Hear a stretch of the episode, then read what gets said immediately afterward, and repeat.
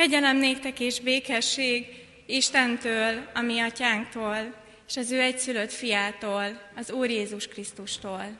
Amen. Isten tiszteletünk kezdetén énekeljük fennállva a 47. Zsoltár első versét. A 47. Zsoltár első verse így kezdődik. No, minden népek, örvendezzetek! Fennállva fohászkodjunk.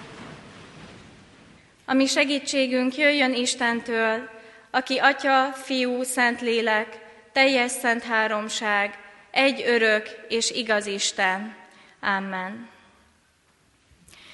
Hallgassátok meg Istennek igéjét, amint szól hozzánk Pálapostolnak a rómaiakhoz írott levelének 13. fejezetéből, a 13. fejezetnek az első hét versében.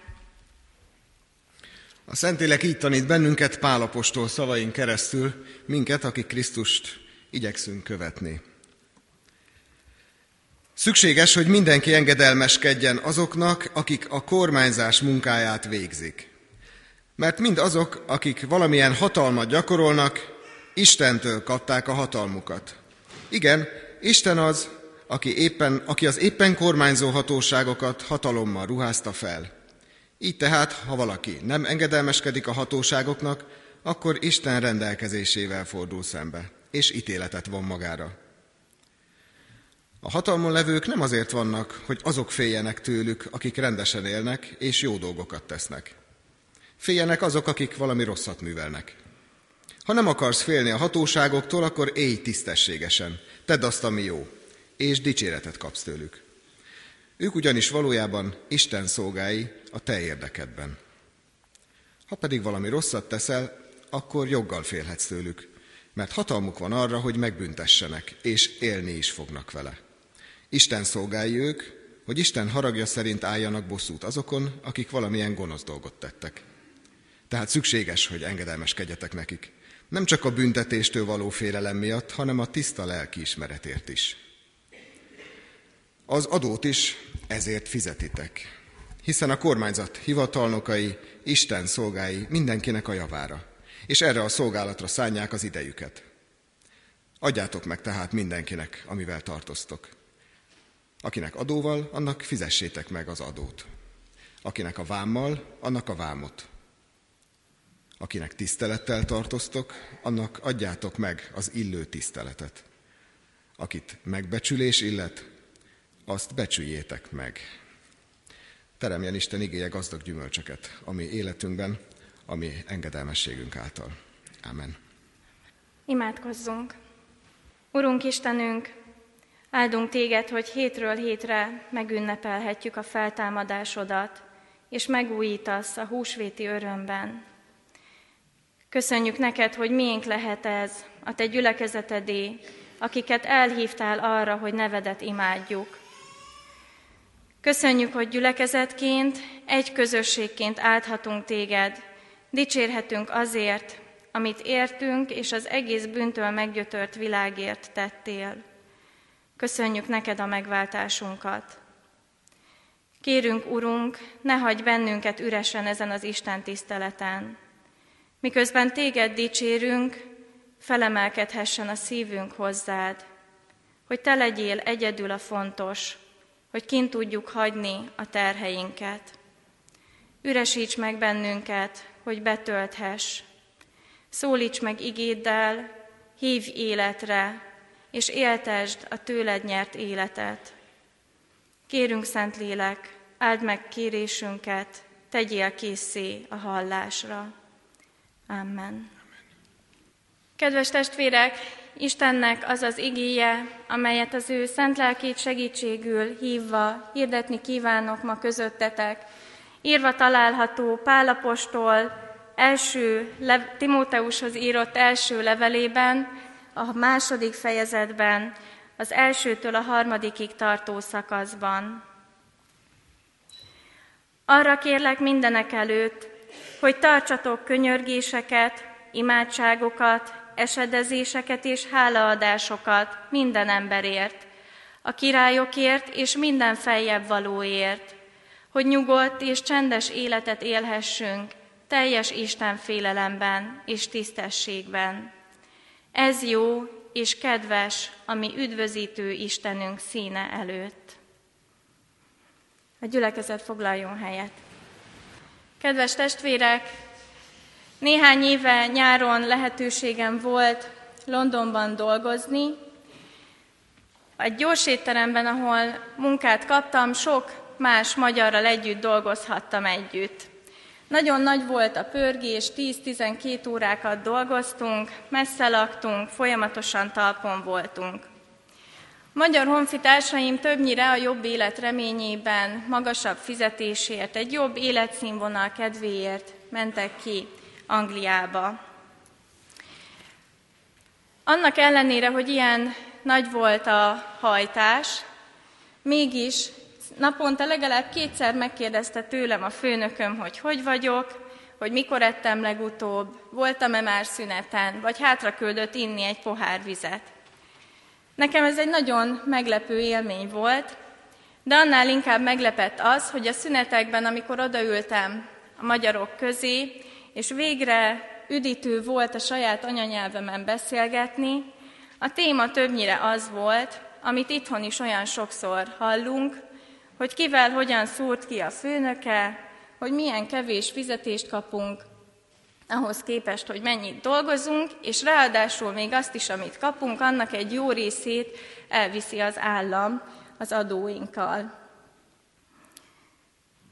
A munkahelyem nem kíván semmilyen szakképzettséget, tapasztalatot, még nyelvtudás se nagyon, mégis a sokszorosát kereshettem meg annak, amit mondjuk itthon egy diákmunkával tudnék, és a, az adóim nagy részét visszaigényelhettem az alacsony fizetésem ellenére.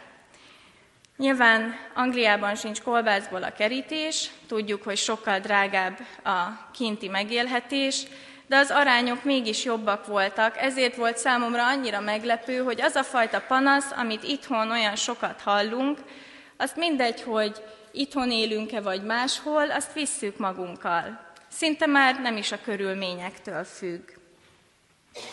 De hát a főnök, de hát a fizetés, de hát az adók, mindig ugyanez a rigmus, szinte ismétlődve a szánkon. Ami van, az sosem elég jó, mert mindig lehetne jobb. És hogyha felelősöket keresünk, akkor általában a fölöttünk minimum egy szinten levőkben találjuk meg őket. A főnök, a tanár, a presbiter, a miniszter, a kormány, az EU, mindig van valaki, aki tehet arról, ami, ami miatt mi most elégedetlenek vagyunk. És azt hiszem, hogyha feltenném azt a kérdést, hogy vajon imádkoztunk-e annyiszor a főnökünkért, ahányszor panaszkodtunk rá, akkor sajnos a legtöbben nemmel válaszolnánk. Pedig a mai igénk a panaszkodástól egy teljesen más, mondhatni ellentétes lelkületre hív, bátorít és kér bennünket, az imádságnak a lelkületére. Imádkozzunk a feletteseinkért, akkor is, hogyha ez sokszor nehezünkre esik. Mert nagyon érzékeny téma a feletteseknek a kérdése. Fölöttünk állnak, részben ki vagyunk nekik szolgáltatva, mert meghatározzák, hogy mennyi pénzt hosszunk be, mennyi pénzből élhetünk, hogy hogyan vezessük a hétköznapjainkat. Egészen rá vagyunk kényszerítve arra, hogy a döntéseik és valamennyire az akaratuk mentén rendezzük be az életünket. Óriási az elégedetlenség, bizonyosan jogosan is, a kormányjal, az EU-val, a világpolitikával, a pénzesekkel, a hatalmasokkal, akik fölöttünk vannak. De hát a főnök, de hát a fizetés, de hát az adók. A családi ebédjeinknek is gyakran megrontója a politika. Biztosan van legalább egy töréspont családon belül, ami ellentéteket szül. És amikor a papa már megint kezdi, akkor vannak, akik bezárkóznak, a kaphatóbbak pedig azonnal ugranak, és oda a meghitt családi ebédnek a légköre.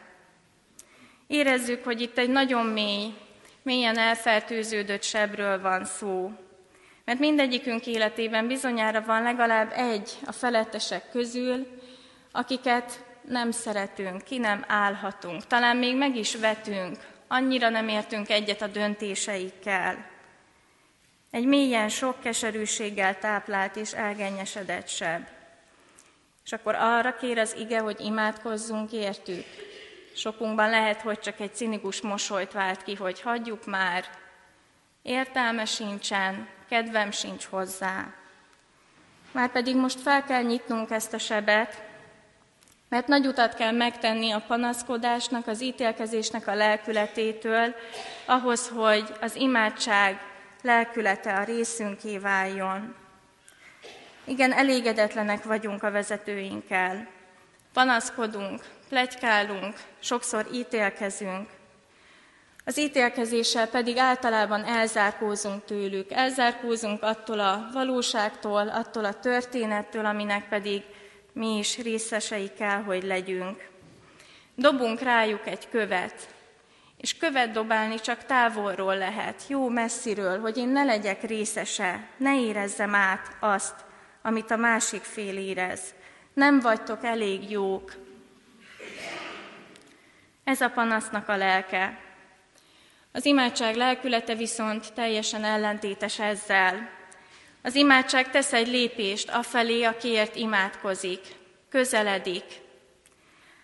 Be kell vonódni a történetébe, nem zár ki, nem marad távol.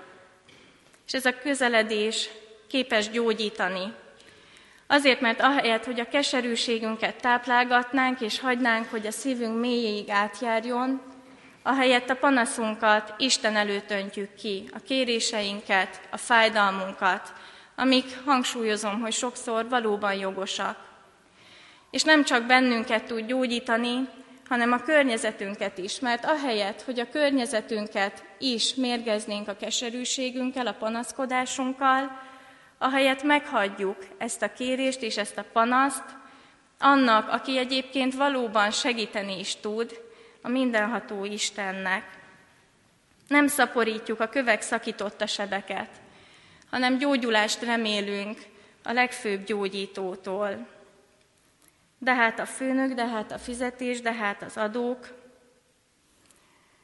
A panaszban kifejeződik valami abból is, hogy úgy gondoljuk, hogy mi egy kicsit jobban tudjuk, hogy mi biztosan jobb döntéseket hoznánk. És ha nem is tudjuk a jó döntést, a tökéletes megoldást, de az biztos, hogy tudjuk, hogy hogyan nem kéne csinálni. Mert hogy egy-egy döntés óriási elégedetlenséget vált ki bennünk sokszor. Én jobban tudom. Ez a panasz és ítélkezés lelke. Az imádság viszont csak alázatban születhet meg, mert Isten elé nem lehet nagy mellénnyel odalépni. Istent csak úgy lehet megszólítani, hogyha elismerjük őt Istennek.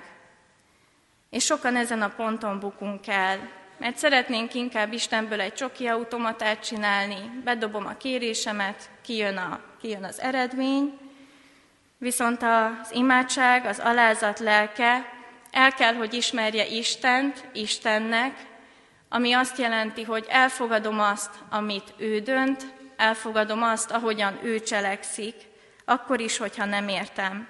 Alávetem magam neki, mert hiszem és tudom, és meg is tapasztaltam, hogy Isten jobban tudja, jobban tudja, mint én, azt is, hogy mi a jó nekem.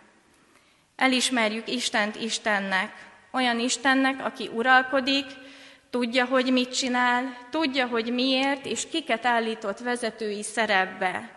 Ez az ő döntése. A panaszkodás követ dobál, sebez, és távolról figyeli az es- eseményeket. Azt fejezi ki, hogy én jobban tudom. Az imádság viszont közel lép, gyógyít, alázatot követel, mert azt fejezi ki, hogy Isten jobban tudja. Készek vagyunk-e engedni Istennek? Készek vagyunk-e elismerni őt mindenek urának? Akkor is, hogyha egy ilyen fájdalmas sebünkre tapint rá. Készek vagyunk-e imádkozni azokért is, akik talán a legnagyobb indulatokat tudják kiváltani belőlünk. Ne gondolják a testvérek, hogy Pálapostól könnyelműen vetette papírra ezeket a szavakat. Amikor Pálapostól ezeket leírta, nem azért írta, mert szimpatizált az aktuális vezetéssel, kormányjal, és ezzel szeretett volna jó pontokat gyűjteni, Amikor Pálapostól ez, erre bátorítja Timóteust, a tanítványát, akkor a római birodalomban Néró volt a császár. Az a Néró, aki híres és hírhet a mai napig a hiú, könyörtelen, kegyetlen tetteiről, és aki az egyik legvéresebb keresztjén üldözést indította el az egész hatalmas birodalomban. Pálapostól ennek ellenére kéri, hogy könyörögjünk a vezetőinkért. Az imádság kell, hogy áthassa a keresztény lelkeket, elismerni Istent Istennek, elismerni a hatalmát, amit kedve és akarata szerint osz szét. A mi vezetőink is tőle kapták. Imádkoznunk kell a feletteseinkért akkor is, hogyha ez nehezünkre esik. És imádkoznunk kell a feletteseinkért, azért, mert ők biztosítják a nyugodt és csendes életet, ahogyan az igénk fogalmaz. Lehet, hogy sokan a nyugodt és a csendes élet hallatán ki menekülnének a világból, mert megijednek attól, hogy egy középszerű és unalmas életet kell élnünk. Mások meg alig várják, hogy végre legyen már egy kis nyugtuk, hátradőlhessenek egy kellemes délutánon vagy estén a kedvenc könyvükkel, a szeretteikkel. De abban biztos, hogy közösek vagyunk, hogy senki, egyikünk sem vágyik háborúra, gazdasági összeomlásra, belviszályra, kétségbeesett munkakeresésre, a bűnözés elbúrjánzására.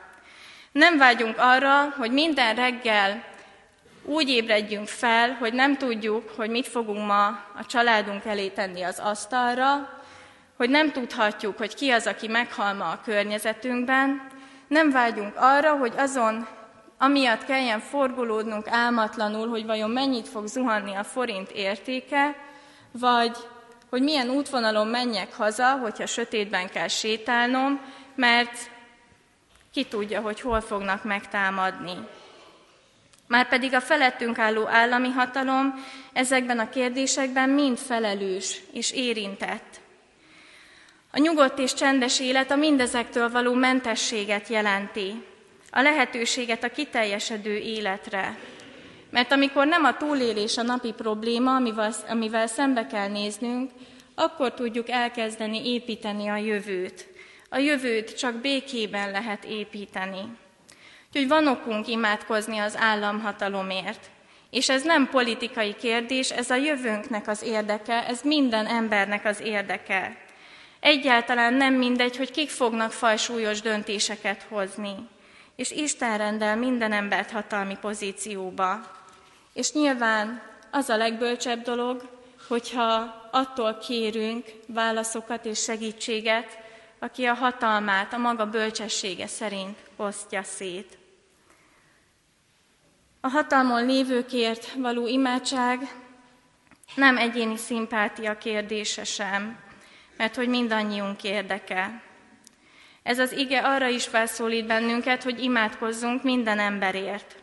Akkor imádkozz bölcs hatalomért, imádkozz a vezetőink tiszta életéért és a közjavát szolgáló döntések megszületéséért, Imádkozz a világpolitikáért, hogy nyerjen teret az Isten félelem, és az élet értéke mentén szülessenek döntések.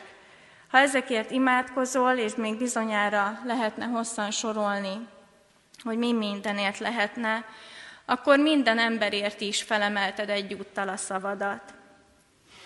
Ez a nyugodt és csendes élet teszi egyúttal lehetővé az Istenfélő és erkölcsileg tiszta életet is. Zűrzavaros időkben az egyház és a Krisztust követő egyszerű hívő is olyan döntések elé kényszerülhet, ahol nincsen jó megoldás. Két olyan rossz döntés közül kell választania, ahol bármi mellett is dönt, a lelkiismerete el fogja őt ítélni. Nem olyan régen ilyen volt a kommunista rezsim nyomása is egyházunkon a kiegyezésre.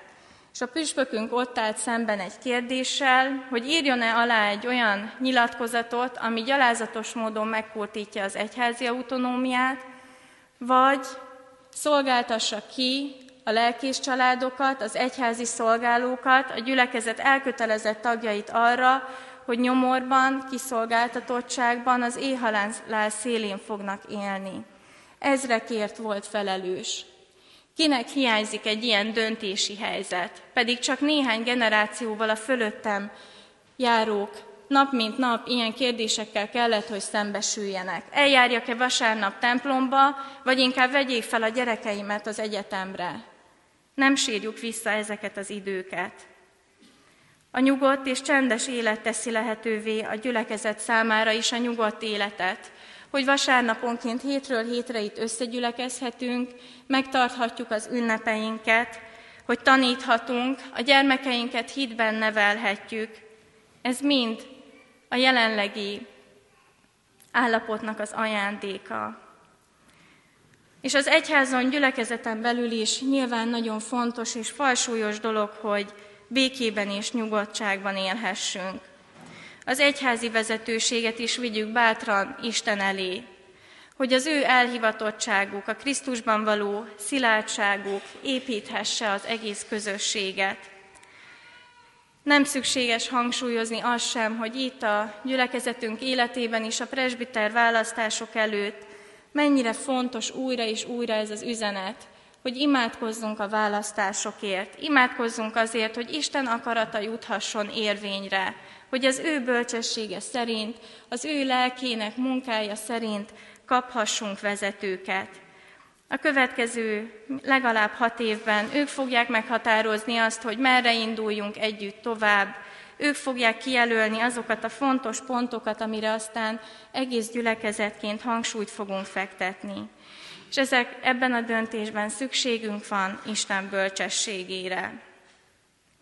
Sokszor nem értünk egyet a vezetőinkkel, sokszor felháborodást kelt mindaz, amit a döntéseik mentén megszületik, de tartsuk szem előtt Bonhoeffernek a meglátását, a 20.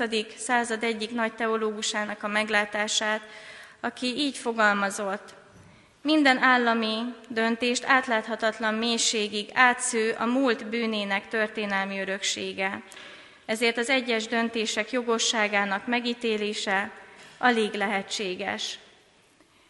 Talán jobb döntések születnének a mi vezetésünk alatt. Talán lehetnének jobb vezetőink minden szinten. De ne felejtsük el azt, amikor egy-egy döntést mérlegre teszünk, és megpróbáljuk megítélni annak a helyességét, hogy a múlt bűneinek az örökségét is hozzuk magunkkal.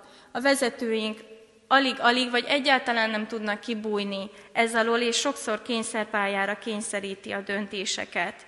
Emiatt soha nem lehet egészen pontos a megítélésünk. Az ítéletalkotás és talán inkább pontosabban az ítélkezés helyett ezért kér Isten tőlünk imádságot. Vállaljunk így részt a vezetőink felelősségéből. Ők a nyugodt és békés élet letéteményesei. Ők az Isten félelemben és tisztességben leélt élet lehetőségének a letéteményesei. Ezzel képviselhetjük Isten előtt minden embernek és a közösségeinknek az érdekét. És imádkoznunk kell a vezetőinkért azért is, mert ez jó és kedves az üdvözítő Isten előtt. A panaszsal és kritikával az a probléma, hogy nem mutat soha előre. Általában csak maga körül forog, tényleg egyre mélyebbre viszi a keserűségünket, de nem tud felmutatni egy valóságos megoldást. És az a probléma a panasszal, hogy egyúttal megfogalmazódik benne egy Istennel szembeni elégedetlenség is. Mert a gondviselő Isten gondoskodik rólunk, sokszor elégedetlenek vagyunk vele, vagy épp elégedetlenek, de a panaszkodásunkkal kifejezzük azt, hogy mi, mi nekünk nem elég az, amit Isten tesz értünk. És sajnos hajlamosak vagyunk ezzel együtt, egyúttal arra is, hogy elfelejtkezzünk azért a sok mindenért, amiért viszont hálát adhatunk. Az ima gyógyír lehet mindkettőre. Panasz helyett megfogalmazhatjuk kérés formájában a problémát, illetve az imádságban elénk jön az a sok minden, amiért hálásak lehetünk. Ne feledkezzünk meg arról, hogy minden hatalom Istentől van. Akár szimpatikus a főnökünk, akár nem. Akár tetszik a kormány, oktatás, menekültügyi vagy családpolitikája, akár nem. Minden hatalom Istentől van. Akkor is, hogyha egy Néróról, akkor is, hogyha a kommunista hatalomról, akkor is, ha a jelenlegi kormányról vagy az eljövendőről van szó. Ha jó a vezetés, adjunk hálát, ha nem, akkor még inkább van okunk imádkozni. Reformátori eleink azt tanították a 16. században, itt a török megszállásnak az idejében, hogy a török megszállás az egyúttal egy ítélet is a népen. Ezért, amikor elégedetlenkedünk, tartsuk szem előtt, hogy itt az ideje talán a bűnbánatnak. Mert Isten még a rosszal is valamire fel akarja hívni a figyelmünket. A rosszal még inkább akar jelezni, mint egy végső eszközzel, hogy itt az ideje, hogy visszaforduljatok hozzám. Adtam az áldásaimat, felkínáltam nektek a megváltást, és nem volt elég. Akkor mit tehetnék még, hogy végre odafigyeljetek rám, és végre elforduljatok a bűneitektől? Ahogy a reformátorok hirdették a török kapcsán, úgy hirdette Ravasz László püspök a második világháború után is, hogy szükséges a bűnbánat, szükséges az, hogy együtt, egy közösségként visszaforduljunk az Istenhez, és alávessük magunkat annak, amit ő akar. Ezért mindenkor jó és kedves előtte, ha kéréssel és hálával visszük elé a vezetőink ügyét. Amikor Isten tekintéje az egyik legfontosabb érv, mint aki minden hatalomnak a forrása, akkor üdítő az a jelző, amit Pálapostól itt használ, hogy ez az Isten, üdvözítő Isten. Már a levél legelején amikor a gyülekezetet megszólítja, akkor így emlegeti Istent, hogy az üdvözítő Isten akaratából apostol ő. Ez az Isten nem, nem kifejezetten és nem kizárólag a hatalmával akar bemutatkozni nekünk. Ez az Isten a szabadításával, az üdvösség felajánlásával mutatkozik be elsősorban. Olyan ez, mint egy állandó jelző, és bár csak úgy íródna bele mindannyiunk szívében, Isten, Jézus Krisztus váltsága által, mint az üdvözítő Isten. Amikor róla gondolkozunk, nem azt a hatalmas, kénye kedve szerint hatalmát osztogató Istenre kell gondolnunk, hanem erre az üdvözítő Istenre. Ő az, aki megszabadított minket a bűnhatalmából arra, hogy egy egész, örömteli és tiszta életet élhessünk. Nagy árat fizetett ezért Jézus Krisztus, az üdvözítő Isten. Üdvözíteni akar, és minden, ami a világomban, a környezetemben történik, az Istennek egy hatalmas felkiáltó jele. Forduljatok hozzám, mellétek állok, üdvözítelek, életet akarok adni, de forduljatok hozzám. A szabadító, üdvözítő Isten tanácsaira ráhagyatkozni, nem kell, hogy ijesztő vagy félelmetes dolog legyen. Ez a legbölcsebb döntés, amit meghozhatunk.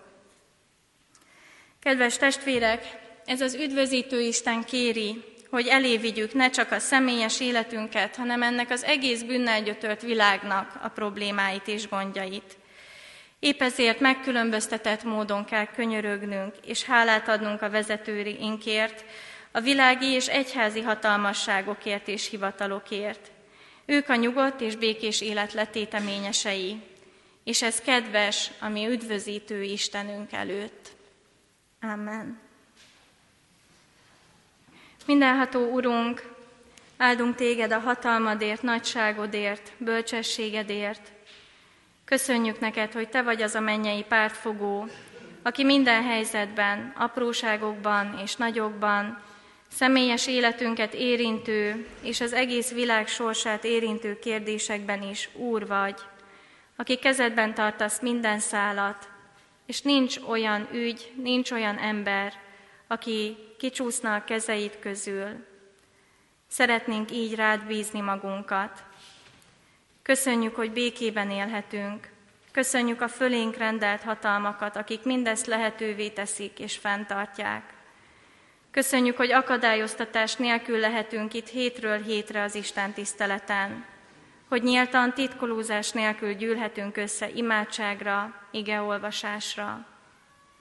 Bocsáss meg, hogy hitünk sokszor a hétköznapok terheit hordozva sem elégséges.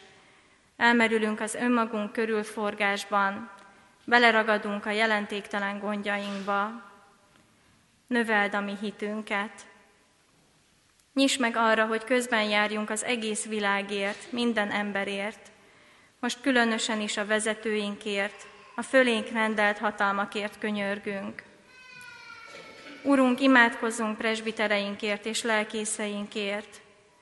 Könyörgünk, hogy tartsd kezedben a presbiter választást minden lépésben, és jusson érvényre ebben is a Te akaratod. Könyörgünk a gyülekezetünk jövőjéért, azért a hat évért elsősorban, amit a következő vezetőség fog meghatározni. Állíts fölénk Istenfélő testvéreket, hiteles embereket, akik mindenüket odaadva neked egész gyülekezetünket felét tudják vonni. Elét hozunk minden szolgáló testvért, akik a diakóniában, gazdasági ügyekben, karbantartásban, hivatalban, intézményeinkben, vagy bárhol egyházközségünkön belül szolgálatot vállalnak. Imádkozunk igazgatóinkért és pedagógusainkért, akik a gyermekeink előtt járnak nap mint nap példaként. Imádkozunk egész magyar református egyházunkért, espereseinkért, jegyzőinkért, püspökeinkért, akik a legmagasabb állami szinteken is képviselnek bennünket és téged is. Tartsd meg őket Isten félelemben, adj nekik bölcsességet döntéseikhez, és erőt terheik elhordozásához. Urunk, imádkozunk városunk és országunk vezetőiért, kormányzásukért. Adjál nekik, Urunk, egészséget, békességet, egyetértést, boldogulást, hogy a kormányzás munkáját, amit Te adtál nekik, háborgatás nélkül végezhessék. Imádkozunk a világpolitikáért, kérvén kérve Téged, állíts fölénk olyanokat, akik Istenfélő életet élnek, a Te bölcsességedet keresik és várják, hogy a saját eszközeikkel és lehetőségeikkel igyekezzenek érvényre jutatni a Te akaratodat ebben a világban. A Te akaratod érvényesülését kérjük a személyes életünkben és gyülekezetünkben is. Elét hozzuk elesetjeinket, gyászolóinkat, betegeinket, lelked vigasztalását, a feltámadás hitét kérjük valamennyiük számára. Köszönjük, hogy minden ügyünk előtted van, és nincs semmi, amit nem mondhatnánk el neked. Nincs semmi, ami kívül esne a te hatalmat körén. Jézus nevében kértünk téged. Amen. Fennállva mondjuk el együtt az Úrtól tanult imádságot. Mi atyánk, aki a mennyekben vagy, szenteltessék meg a te neved. Jöjjön el a te országod, legyen meg a te akaratod, amint a mennyben, úgy a földön is. Ami mindennapi kenyerünket add meg nékünk ma, és bocsáss meg védkeinket, miképpen mi is megbocsátunk az ellenünk védkezőknek. És ne vigy minket kísértésbe, de szabadíts meg a gonosztól, mert Téd az ország, a hatalom és a dicsőség mindörökké. Amen. Hirdetem az adakozást, mint Isten tiszteletünk részét, hálával áldozzál Istennek, és teljesítsd a felségesnek tett fogadásaidat. Fogadjátok Isten áldását. Az Istennek békessége, mely minden emberi értelmet felülhalad, meg fogja őrizni szíveteket és gondolataitokat Krisztus Jézusban. Amen.